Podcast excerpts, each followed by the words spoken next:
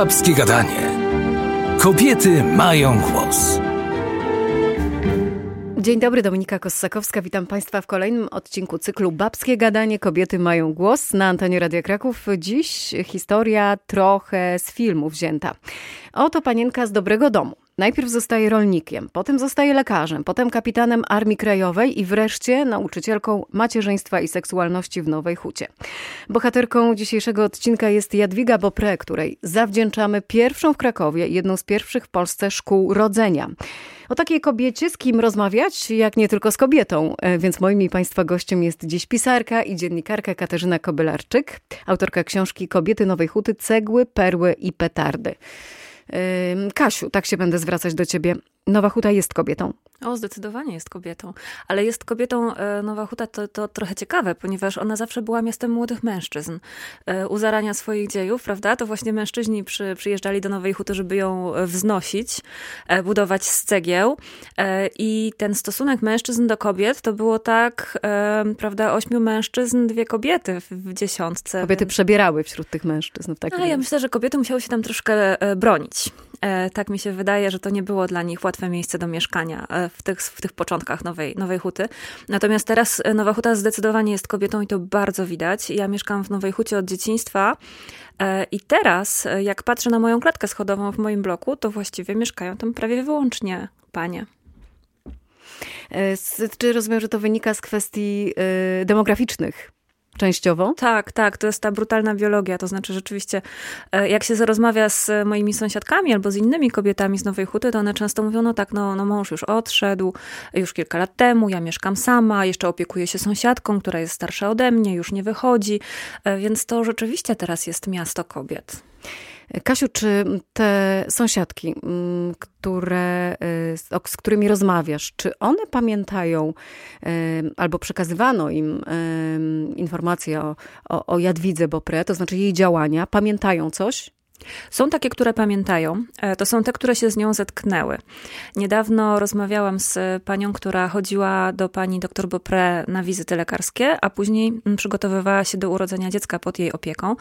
I ona powiedziała, to było niezapomniane. Więc te kobiety, które się z nią zetknęły, rzeczywiście zapamiętały ją na zawsze. Ona miała taki dar, że odciskała e, swoje piętno na, na, na mijanych osobach. Natomiast, e, co ciekawe, wielu nowochucian i wiele nowochucianek Jadwigi Bopre i szkoły rodzenia nie pamięta albo w ogóle nie wie, że coś takiego działało.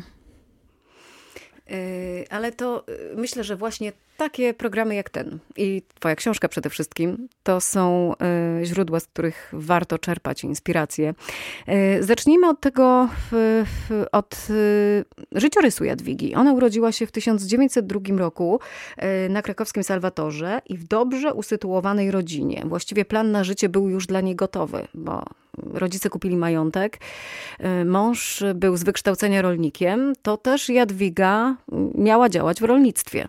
Tak się wydawało, ponieważ e, ja niedawno e, odkryłam niesamowity skarb, to znaczy pamiętniki Jadwigi. Okazało się, wiedziałam o tym już pisząc książkę, ale wówczas one jeszcze nie były dostępne. Natomiast niedawno rodzina Jadwigi przekazała e, wszystkie pamiętniki, które ona pisała od chyba 12 albo 10 roku życia jako maleńkie dziecko aż do śmierci, e, więc to jest e, kilkadziesiąt tomów, e, które zapisała.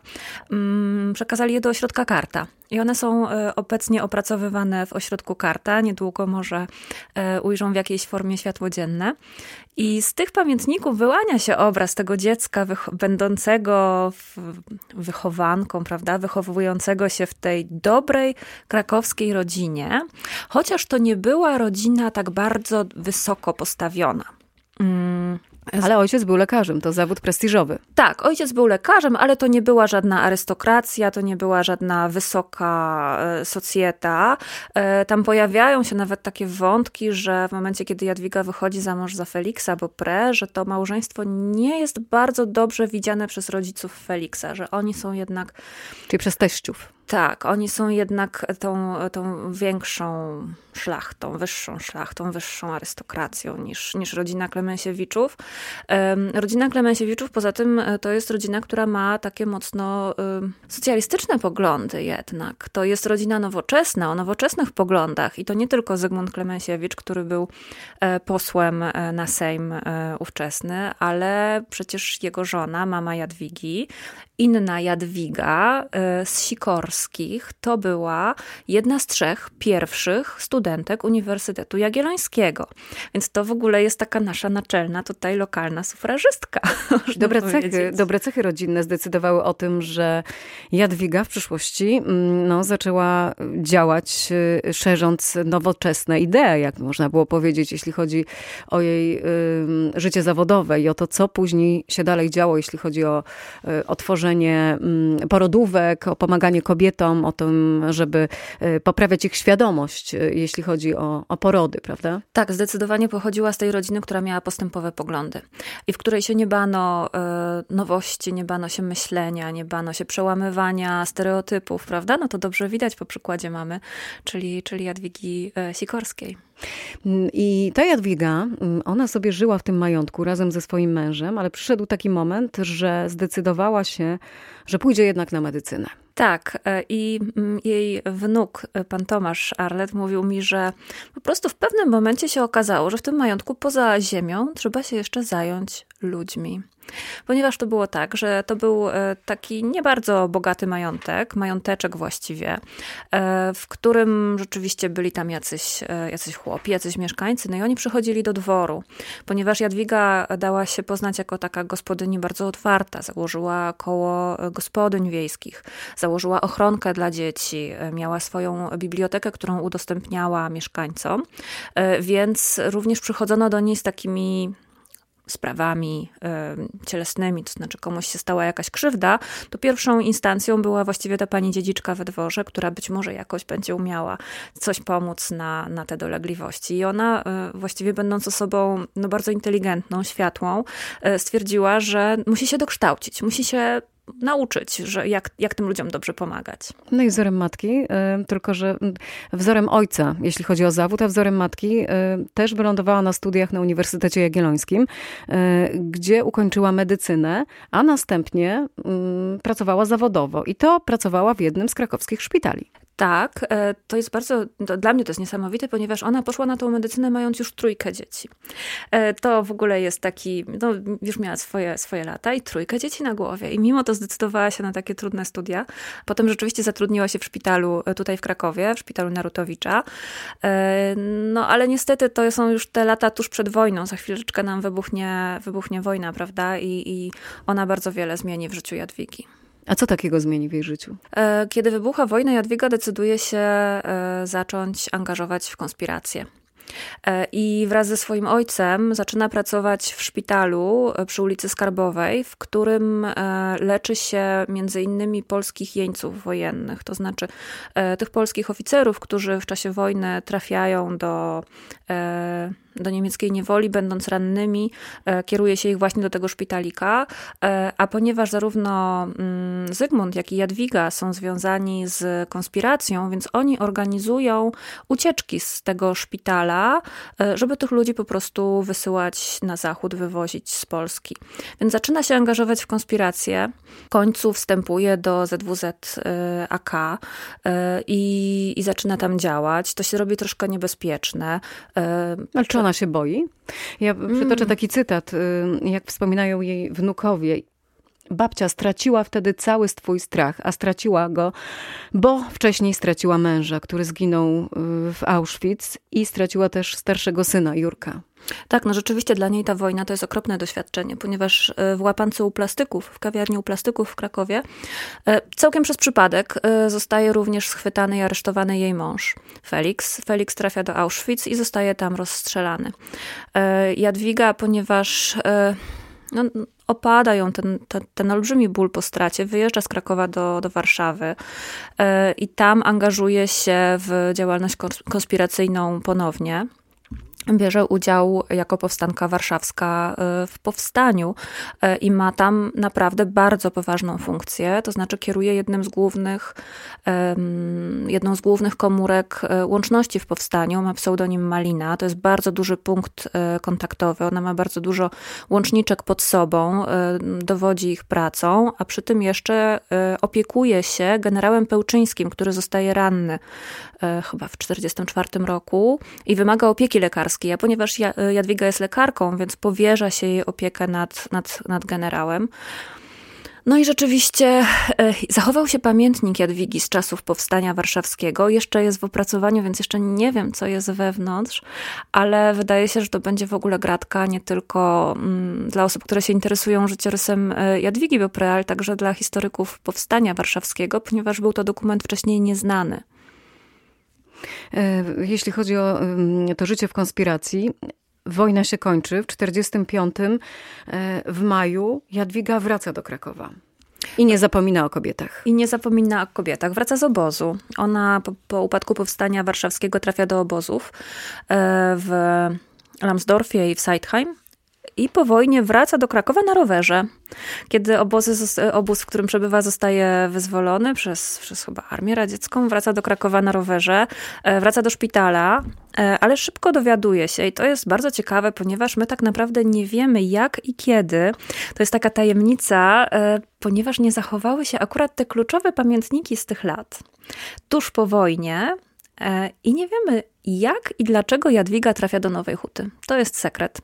E, czy sama się decyduje, czy znowu tą jej społecznikowską duszę przyciąga ta ludzka potrzeba, to olbrzymie mrowie ludzi, którzy potrzebują pomocy lekarskiej, czy też może dostaje nakaz pracy, ale znamy jedną anegdotę z jej życia rodzinnego.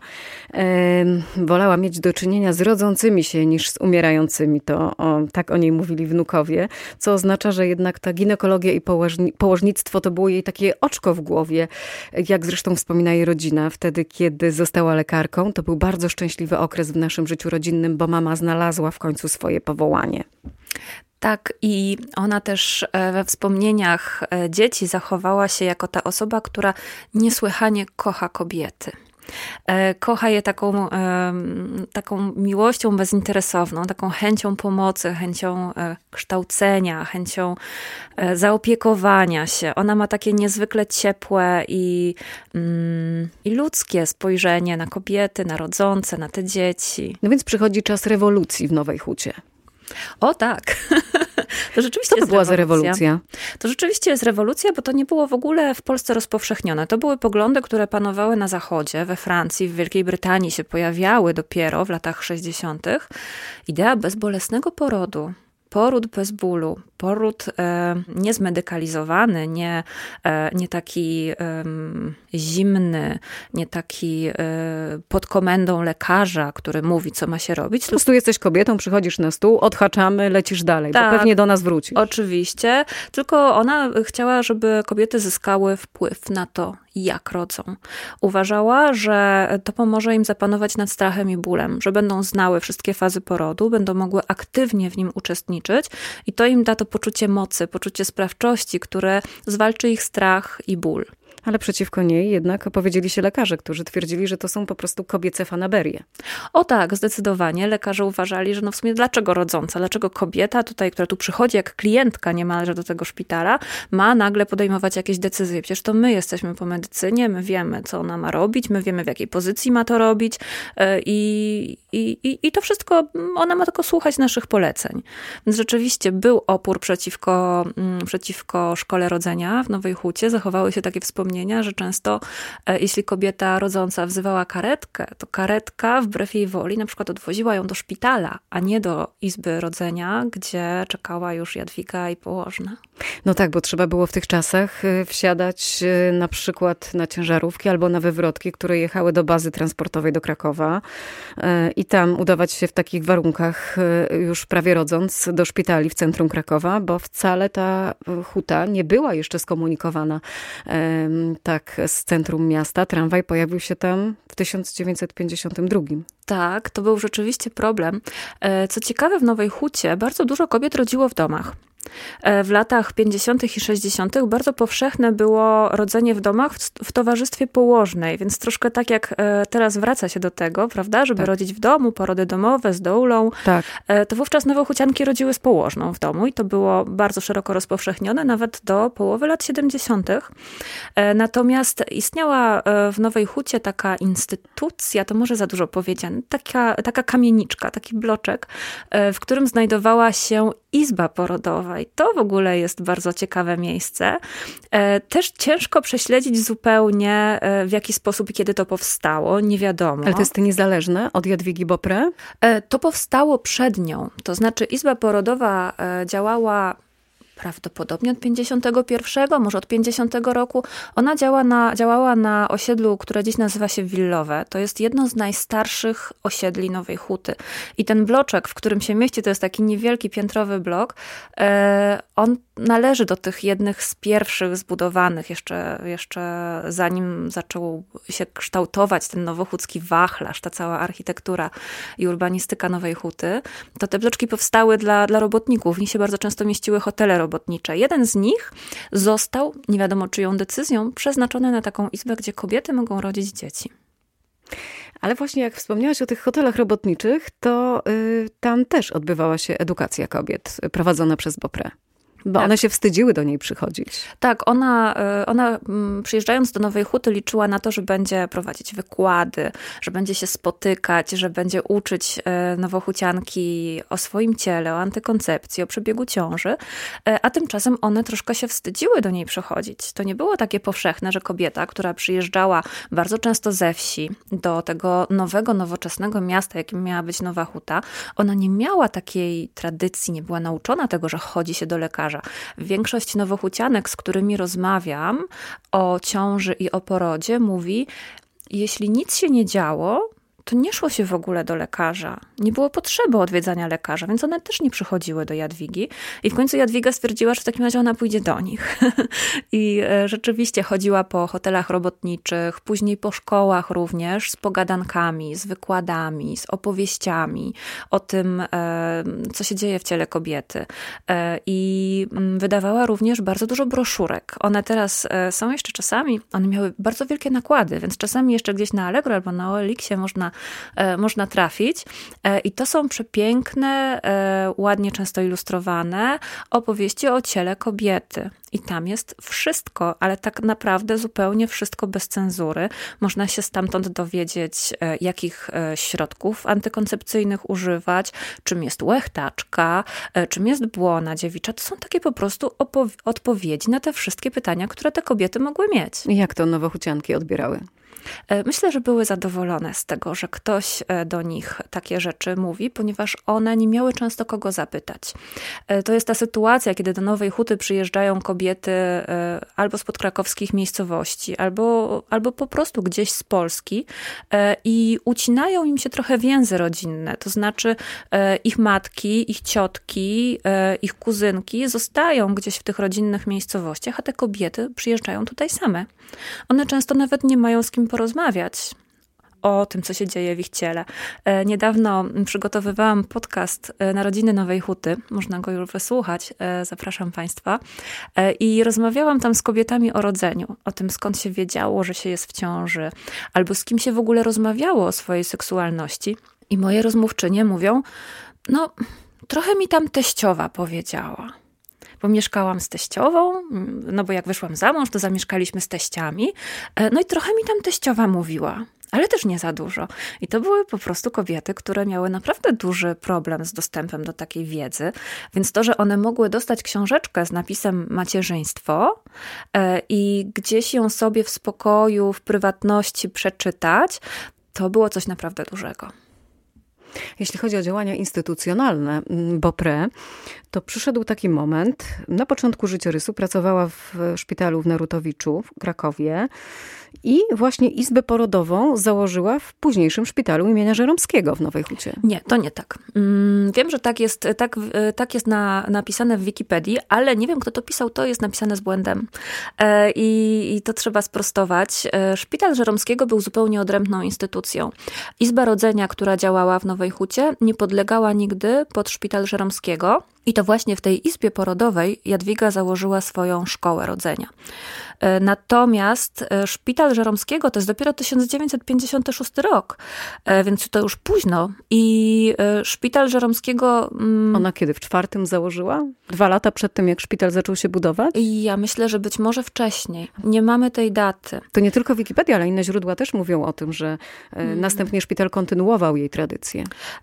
W szpitalu Żeromskiego w pewnym momencie pojawił się po prostu oddział ginekologiczno-położniczy i on przejął funkcję Izby Rodzenia, Natomiast e, szkoła rodzenia miała swoje rozliczne perypetie. Ona dość długo się jeszcze utrzymywała w tamtym budynku, e, ale utrzymywała się tylko i wyłącznie staraniem Jadwigi. To znaczy Jadwiga bardzo walczyła o to, żeby ta szkoła się tam mieściła, e, ale ona była taka trochę, to była taka trochę niezależna instytucja, która właśnie nie wiadomo komu podlegała w tym bardzo schierarchizowanym społeczeństwie i, i stąd były przeróżne problemy z jej finansowaniem, z jej utrzymaniem, z właśnie poukładaniem sobie stosunków ze szpitalem Żeromskiego. Tam nie było, nie było tak, e, tak prosto. Natomiast e, szkoła rodzenia, która nosi imię Jadwigi e, i aktualnie, aktualnie tak, i która deklaruje, że kontynuuje jej tradycję, to jest szkoła rodzenia, która się znajduje w Siemierackim w szpitalu Siemirackiego, -hmm. czyli została w Krakowie. Te tradycje pozostały w Krakowie. Jest ta szkoła,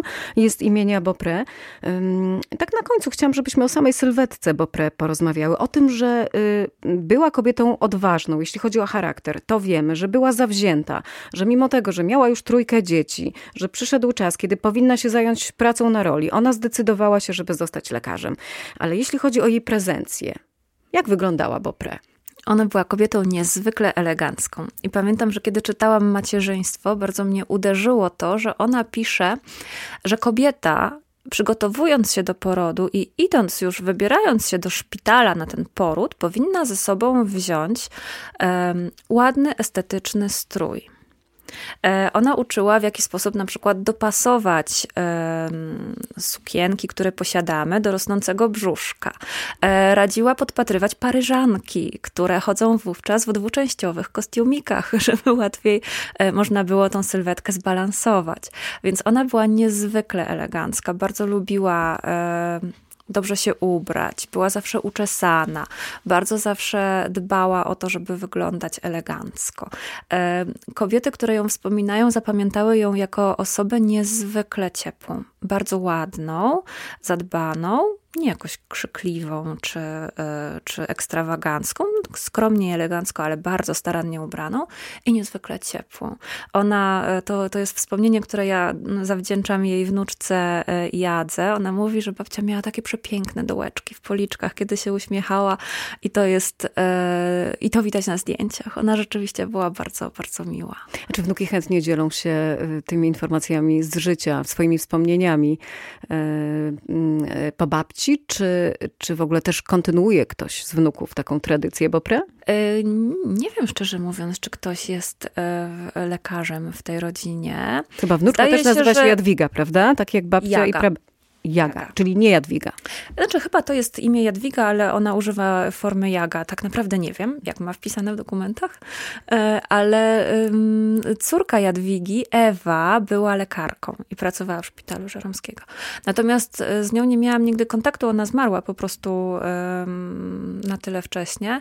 Natomiast miałam kontakt rzeczywiście z wnukami i, e, i oni wspaniale opowiadają o babci. Naprawdę z taką dużą miłością i z ciepłem i i wspominają e, wspólne wigilie. Mówią też o tym, że babcia mm, przynajmniej początkowo nie była taką babcią, babcią taką, tylko była po prostu zapracowaną kobietą, która z wielkim oddaniem bardzo długo prowadziła swoją praktykę lekarską e, i pomagała kobietom, przyjmowała je na, na wizytach domowych i, i po prostu długo, długo pracowała.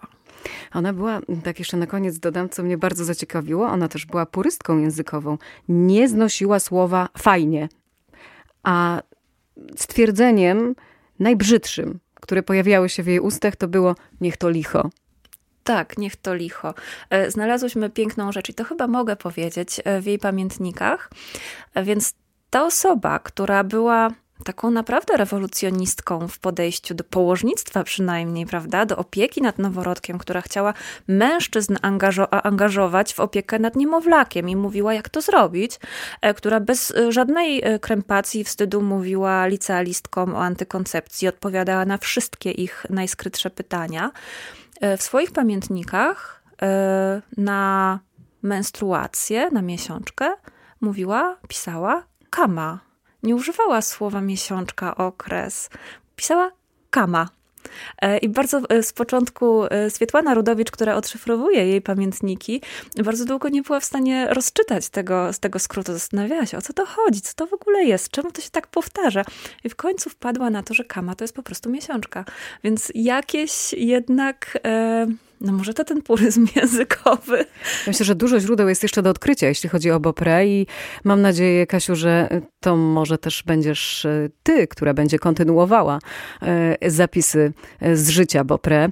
Moim i Państwa gościem była dzisiaj mm, Katarzyna Kobylarczyk, autorka książki Kobiety Nowej Huty, Cegły, Perły i Petardy. Bardzo dziękuję za rozmowę. Ja również. Audycję przygotowano we współpracy z Fundacją Ze Stali.